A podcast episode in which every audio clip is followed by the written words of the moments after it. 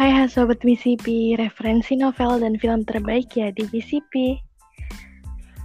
Wah, akhirnya kita balik lagi nih setelah rehat dulu kan kemarin. Detik-detik lebaran sampai setelah lebaran. Pada kangen gak ya sama BCP nih?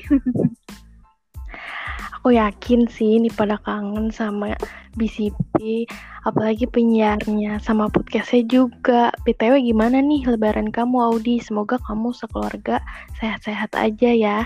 Uh, tetap tetap lebaran di rumah dengan aman dan nyaman.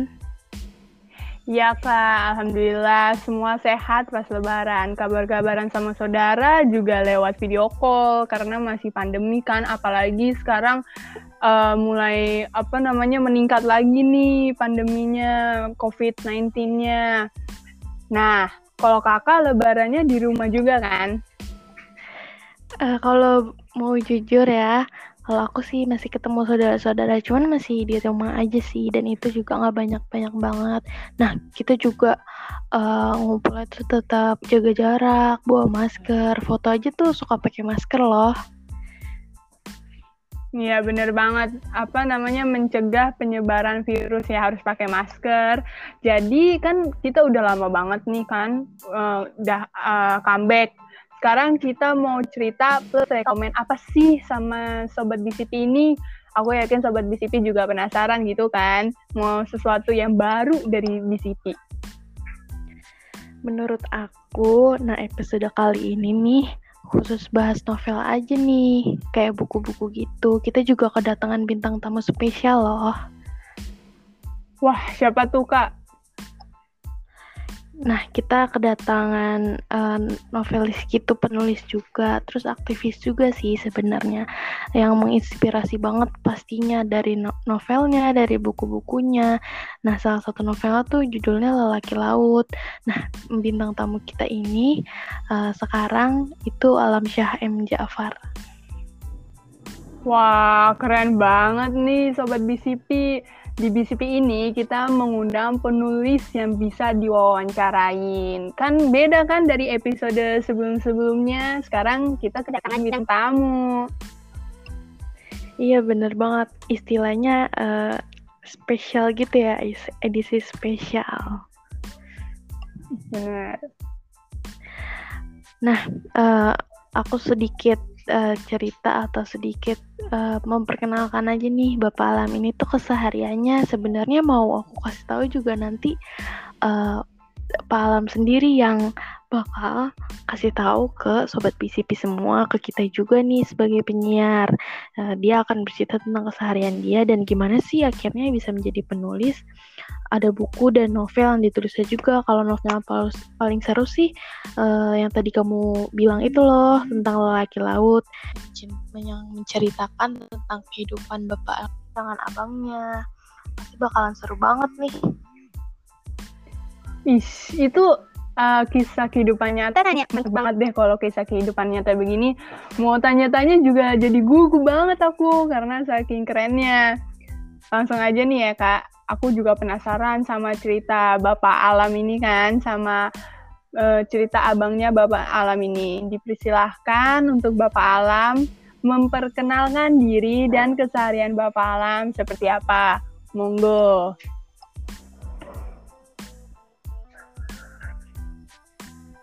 Saya Alam Saim Jafar, sehari-hari bekerja sebagai peneliti di Wahid Foundation, salah satu NGO atau organisasi masyarakat sipil yang memiliki fokus pada penguatan toleransi, perdamaian, penyebaran eh, pesan-pesan uh, damai keagamaan.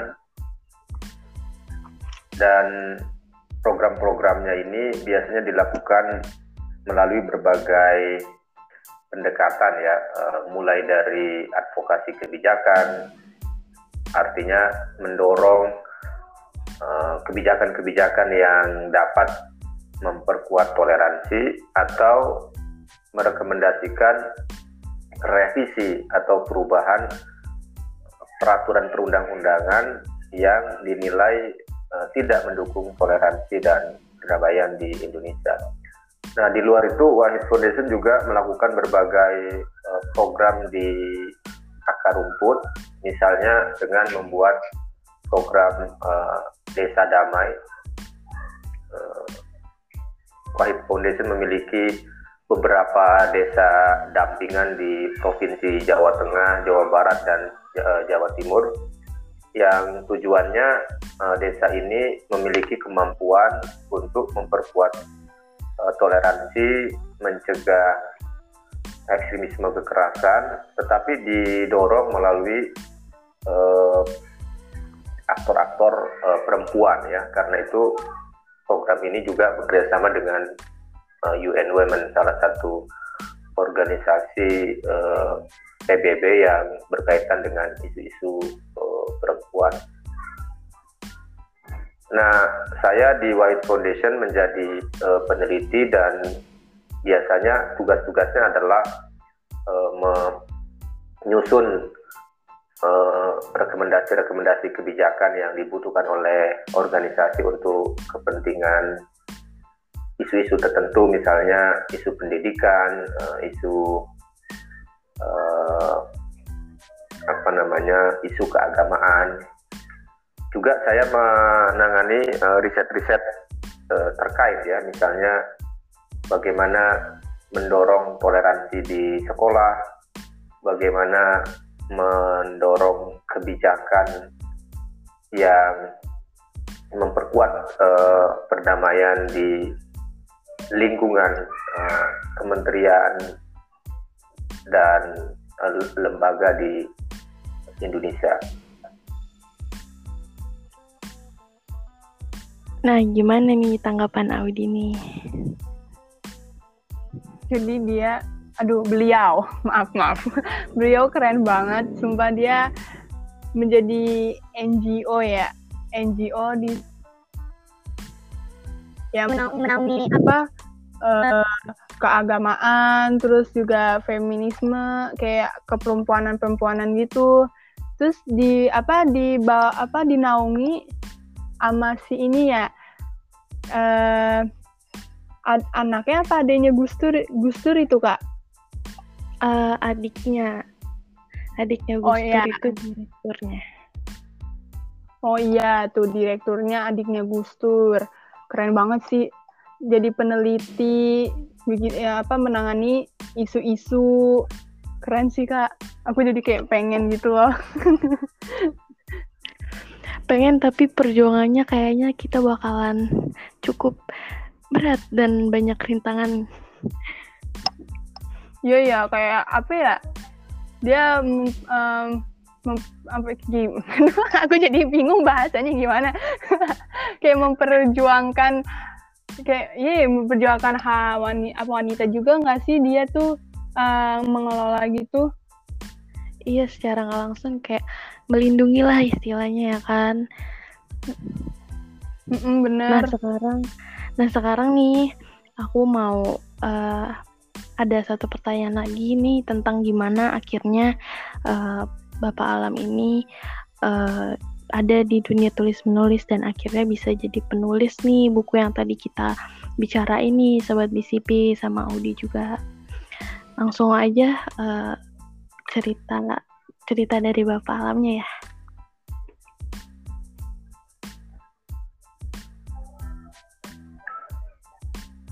Saat saya menjadi mahasiswa dan mulai menggeluti dunia tulis menulis, saya juga uh, aktif uh, dalam atau menjadi salah satu uh, staf redaksi pers mahasiswa ya. Dulu ada namanya di kampus IAIN, Institut Agama Islam Negeri Syarif Hidayatullah Jakarta namanya masih itu, sekarang berubah menjadi UIN, Universitas Islam Negeri.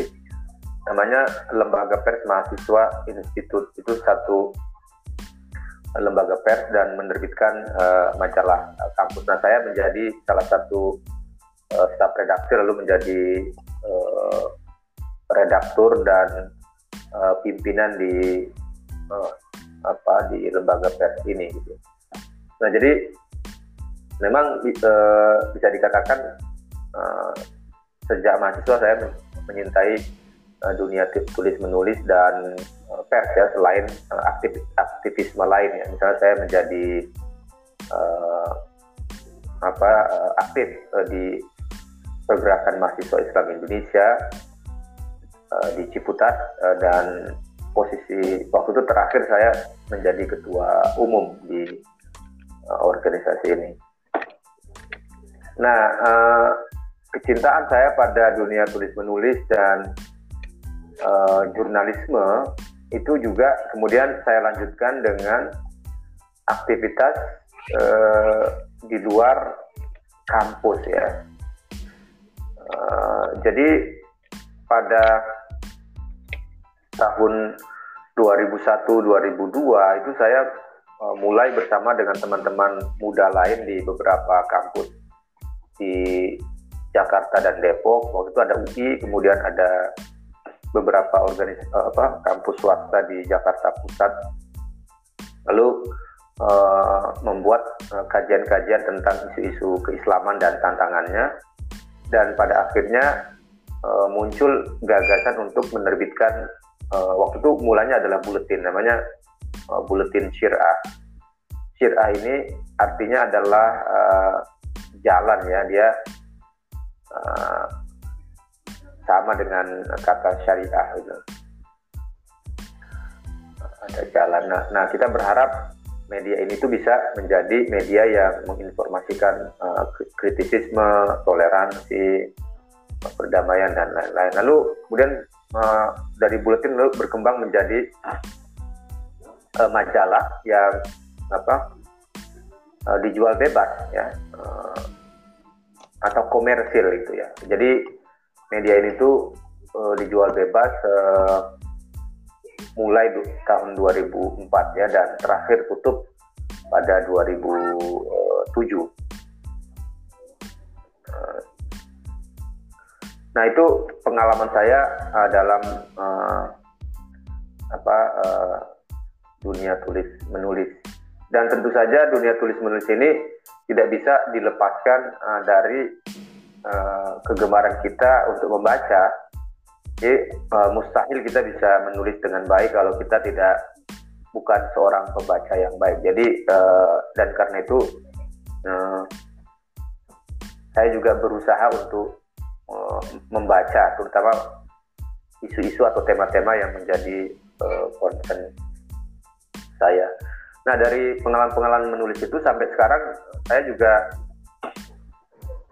apa namanya beberapa kali itu sering uh, mendampingi atau menjadi apa fasilitator untuk kegiatan-kegiatan menulis ya anak-anak muda di sekolah, mahasiswa dan lain. Dan saya apa namanya senang dampingi mereka. Karena apa? Karena uh, menulis itu kadang-kadang bukan hanya uh, kegiatan melahirkan kata-kata ya tapi menulis itu kadang-kadang kita bisa uh, rasakan atau alami sebagai terapi gitu ya. Jadi seperti orang bicara. Nah ini orang menulis itu juga uh, menjadi terapi menjadi cara kita untuk berbagi keluh kesah, berbagi pandangan dan uh, lain-lain. nah, dan dari situ saya tuh membayangkan bahwa sekarang uh, dunia berubah, media sosial sangat uh, berkembang uh, dari sebelumnya dari 20 tahun lalu yang saya hadapi. Tetapi yang kita lihat sekarang ini justru media sosial eh, kadang-kadang uh, juga tidak atau belum dimanfaatkan untuk kepentingan tertentu yang uh, positif itu. Jadi misalnya berapa banyak sih kita yang memiliki media sosial yang tidak bisa atau belum mampu memaksimalkan uh, Facebook kita, Instagram kita, atau Twitter kita untuk menyebarkan informasi-informasi atau tulisan-tulisan yang memiliki nilai positif. Nah, karena itu saya uh, membayangkan bahwa uh, kalau saya bisa mendampingi uh, mahasiswa, uh, pelajar atau bahkan ibu rumah tangga untuk menulis dan mereka lalu bisa menulis uh, dengan baik ya tidak harus panjang pendek juga uh, perlu gitu seperti Twitter itu kan pendek sekali gitu tapi kan pendek uh, tulisan yang baik yang pendek itu juga membutuhkan skill. Nah saya membayangkan kalau saya bisa melatih mereka mendorong mereka uh, menulis atau menginspirasi mereka menulis uh, dunia media sosial kita itu akan uh, berisi informasi-informasi yang yang katakanlah positif dan bermanfaat bagi uh, publik lain ya. Dan tidak diisi dengan sesuatu yang bisa sebaliknya. Hoax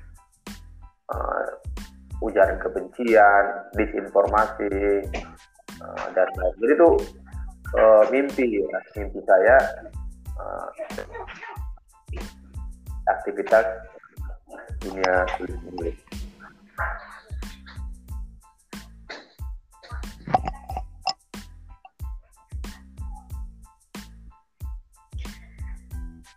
Nah, gimana nih kita sebagai anak muda pengguna media sosial paling banyak deh ya kan kayaknya.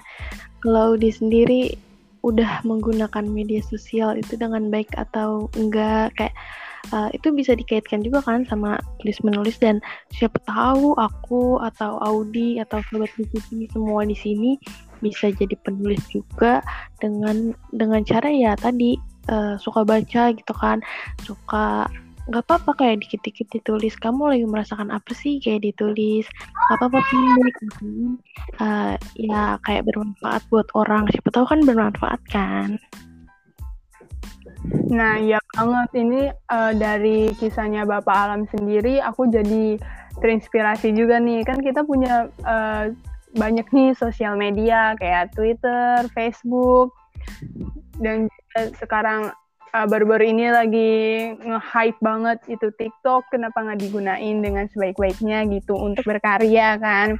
Apalagi Twitter sekarang kan banyak kayak tweet gitu ya, banyak uh, cerita sana cerita sini aku juga terinspirasi buat kayak gitu cuman kayak aku masih merasa malu juga sih buat cerita apa gitu ingin menuangkan ide apa juga kayaknya belum belum berani juga gitu buat menulis sesuatu yang uh, buat aku viral gitu. Gimana nih kalau kakak? Kalau aku kalau aku kan memang sebenarnya juga udah didorong dari dari kecil ya. Aku dari kecil tuh kayak udah suka baca buku karena aku tuh dari kecil suka dibeliin buku gitu kan. Sampai akhirnya aku emang suka baca buku gitu kan terus aku juga suka nulis diary nah mungkin dari situ aku dulu tuh sampai pas SMP itu aku jadi sekretaris tiga tahun karena aku tuh suka nulis dan tulisan aku bagus. Nah kalau untuk di dipraktekin di media sosial itu aku agak masih emang agak malu sama kayak Audi agak mikir gitu kan. Karena kan gak semua orang gitu kan. Aku mikirnya gak semua orang tuh pikirannya tuh kayak kita gitu kan. Terus uh, nanti ada yang gak setuju nanti ada yang benci nanti ada yang ini itu gitu kan. Kayak masih takut banget kan. Tapi di sisi lain kan kayak wah keren banget nih mimpinya Bapak Alam ini buat jadi jadiin media sosial itu ya ranah yang positif gitu. Nah sebelumnya aku terima kasih banyak nih buat Bapak Alam, Syah, M. Ja'far itu sudah menjadi narasumber kita, udah menceritakan gimana sih akhirnya memutuskan untuk masuk ke dunia tulis menulis dan akhirnya bisa jadi penulis gitu kan dari yang cuma satu buku gitu kan lama-lama pasti kayak banyak buku yang pengen kita tulis karena kita tuh kayak gemar menulis, gemar membaca. Nah, terus ternyata Bapak, Bapak Alam ini kan awalnya nggak nggak langsung gitu kan, wah langsung gue jadi penulis gitu kan.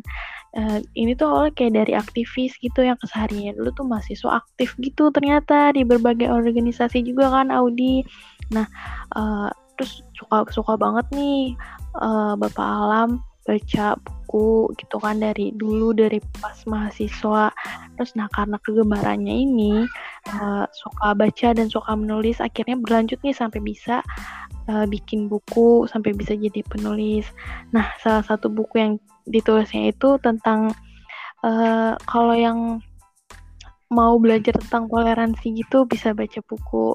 Rekomendasi dari kita nih podcast kita intoleransi sama lelaki laut yang aku tahu nah salah nah yang lelaki laut ini yang tadi aku bilang dia menceritakan tentang kehidupan bapak alam ini loh Audi gitu. Nah iya dari sini juga aku terinspirasi buat baca buku lebih banyak lagi. Karena anak zaman sekarang itu jarang banget baca buku. Apalagi aku juga pendidikan keluarganya nggak nggak mendidik.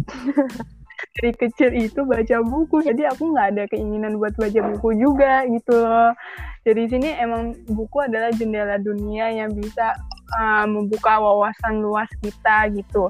Juga memperbanyak kosakata kita, pemikiran kita. Juga aku turut ikut pengen memulai lagi untuk membaca buku gitu. Kayak aduh rada nyesel juga ya kenapa aku juga jarang baca buku apalagi baca buku pelajaran ngantuk.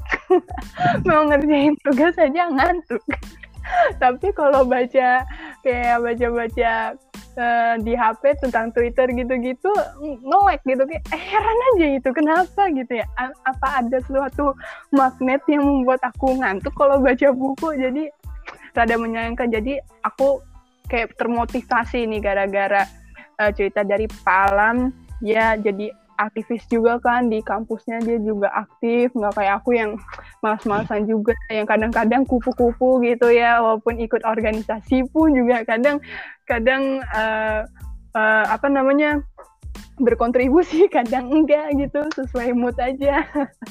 Enggak semangat gitu daya semangat mahasiswanya kurang gitu. Jadi aku mulai terinspirasi dan mulai pengen uh, menekuni uh, hal uh, aktivis dan membaca buku itu.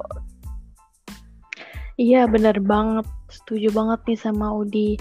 Apalagi nih sekarang kita kan kuliahnya nih kan, kuliahnya atau belajarnya atau sekolahnya nih bagi orang-orang yang masih sekolah dasar, SMP, SMA gitu kan, itu pasti semuanya lagi online gitu kan. Apalagi nih sekarang COVID lagi naik-naiknya juga ya kan. Tapi ini habis ini kayaknya aku tuh terdorong untuk menuliskan, mencurahkan sesuatu di media sosial, tapi gimana ya, aku tuh masih kayak tadi ya takut-takut gitu. Ayolah kak, ceritain kalau punya kisah mah. Ini pakai nama nama samaran aja, Mbak. Apa namanya? Uh, buat Twitter cuman buat nge-tweet doang pakai nama samaran. Kayaknya aku juga pengen deh buat kayak begitu. Iya, bener banget. Uh, setuju hitung-hitung kayak buat healing gitu gak sih? Kayak buat cerita biar lega aja gitu kalau ada apa-apa gitu kan. Nah dari kisah yang keren ini tuh uh, semoga semoga ada sutradara dan produser gitu kan yang lirik novel ini. Nah iya dari sini juga kan uh, Bapak Alam uh, novelis juga tuh menulis buku yang apa nulis novel tentang uh, toleransi sama uh, apa tadi maaf lelaki laut. Uh, ya lelaki laut itu. Aku juga mau baca itu dan semoga aja dari kisahnya yang keren ini, saudara atau produser ngelirik novel ini. List banget lah, kayak dibuatin film gitu. Biar list film Indonesia aku juga tambah banyak. Jangan lupa pemainnya yang keren-keren dong. Biar makin semangat nontonnya. Bener banget nih, selain plot dari ceritanya tuh, cerita buku yang tadi, kalau aku sih kayak laki lo tuh seru gitu kan dijadiin cerita kayak dari zaman zamannya sekolah gitu sampai akhirnya gede berhasil gitu kan. Terus film ini tuh pasti bakal tambah menarik kalau pemainnya juga kata Audi tadi sahabat BCP keren-keren. Nah tapi nih sayangnya sekarang sekarang ini nih kita harus pamit dulu nih sobat BCP semoga cerita dari aku dan Audi itu bisa menginspirasi semua uh, dan dan tadi yang dari narasumber kita itu tuh udah paling keren pasti menginspirasi kita semua dan jangan lupa ya nambah list bacaan kalian baca intoleransi sama lelaki laut ya. Yap, bener banget dari kedatangan bintang tamu kita yang menginspirasi Bapak Alam Syah ini semoga menambah wawasan eh menambah motivasi kalian buat baca novel gitu. Oke, tunggu BCP di hari Sabtu jam 4 sore. Malam minggu yang sendirian aja, mending dengerin BCP kan, biar rame gitu. Nggak ngelamun aja, kayak jomblo, ya. Bye-bye. Bye-bye.